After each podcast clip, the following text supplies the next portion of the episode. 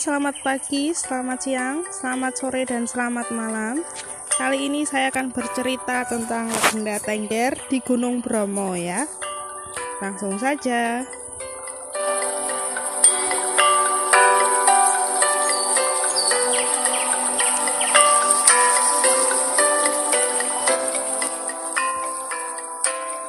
Ratusan tahun yang lalu pada masa pemerintah Raja terakhir Majapahit Brawijaya, keadaan begitu tidak menentu karena berkembangnya agama baru, yaitu agama Islam. Pada saat itu, Ratu melahirkan seorang bayi perempuan dan diberi nama Roro Anteng.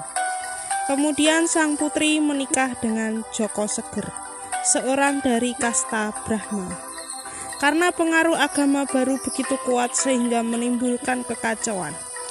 Raja dan pengikutnya terpaksa mundur ke wilayah timur. Sebagian sampai di Bali dan sebagian sampai di Gunung Berapi. Pasangan suami istri baru, Roro Anteng dan Joko Seger juga bergabung bersama kelompok yang pergi ke Gunung Berapi. Kemudian mereka menguasai daerah Gunung Berapi yang bernamakan Tengger. Kata Tengger berasal dari kata Roro Anteng dan Joko Seger. Teng dan Ger ya. Kemudian dia menamai dirinya dengan nama Purba Wasesa Mangkurat Ing Tengger yang berarti penguasa Tengger yang saleh. Bertahun-tahun seiring dengan berkembangnya wilayah yang makmur raja dan ratu merasa tidak bahagia karena mereka tidak memiliki anak untuk menggantikan tahta mereka. Dalam keputusasaan mereka, mereka memutuskan untuk mendaki puncak gunung berapi untuk berdoa dan memohon di hadapan para dewa. Dalam keadaan meditasi, pasangan itu mendengar suara gemuruh dan kawah panas terangkat secara gaib disertai dengan petir emas. Doa mereka didengar oleh para dewa dan akan memberi mereka anak-anak tetapi mereka harus mengorbankan anak terakhir mereka sebagai imbalan. Itu adalah masa depan yang menjanjikan yang tidak dapat disangka.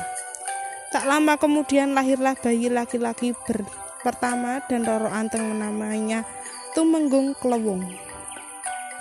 Anak demi anak lahir selama bertahun-tahun dan jumlahnya mencapai 25 orang yang diberi nama Kesuma untuk anak terakhirnya. Roro Anteng dan Joko Seger sangat bahagia karena cinta dan kasih sayang diberikan kepada anak-anak mereka. Kebahagiaan bertahan selama bertahun-tahun, tetapi perasaan khawatir dan sedih masih menghantui mereka karena janji mereka akan dimintai suatu hari nanti. Mereka menyadari bahwa mereka tidak bisa lari dari kenyataan. Hari itu pun tiba, para dewa mengingatkan mereka tentang janji mereka yang tidak bisa dihindari. Karena mereka merasakan betapa kejamnya mengorbankan anak kesayangan mereka, mereka memutuskan untuk mengingkari janji mereka dengan tidak mempersembahkannya kepada para dewa. Mereka membawa pergi anak-anak mereka untuk menyelamatkan anak terakhir mereka dari persembahan. Mereka mencoba mencari tempat untuk bersembunyi, namun mereka tidak dapat menemukannya. Tiba-tiba letusan gunung berapi yang mengerikan mengikuti ke mana mereka pergi, dan secara ajaib Kesuma, anak terakhir tercinta, ditelan ke dalam kawah. Pada saat yang sama, ketika Kesuma menghilang dari pandangan mereka, suara gemuruh berkurang dan keheningan yang aneh untuk beberapa saat tetapi sebuah suara tiba-tiba menggema. Hai saudara-saudaraku tercinta, aku dikorbankan untuk kembali ke Dewa Hyang Widiswasa untuk menyelamatkan kalian semua dan apa yang saya harapkan dalam damai dan hidup sejahtera. Jangan lupa untuk mengatur gotong royong di antara kalian dan menyembah para dewa terus-menerus untuk mengatur upacara persembahan setiap tahun pada tanggal 14 Kasada bulan ke-12 kalender Tengger pada bulan purnama demi Tuhan Muka yang widiwasa. Oleh karena itu, kakak dan adik Kesuma mengadakan upacara persembahan setiap tahun sesuai dengan nasihat Kesuma dan diadakan dari generasi ke generasi hingga sekarang. Ya, begitulah cerita dari Gunung Tengger Pegunungan Tengger atau Gunung Bromo ya. Oke. Ini adalah cerita terakhir di bulan November.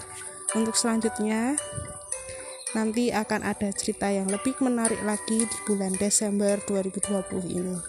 Terima kasih semuanya.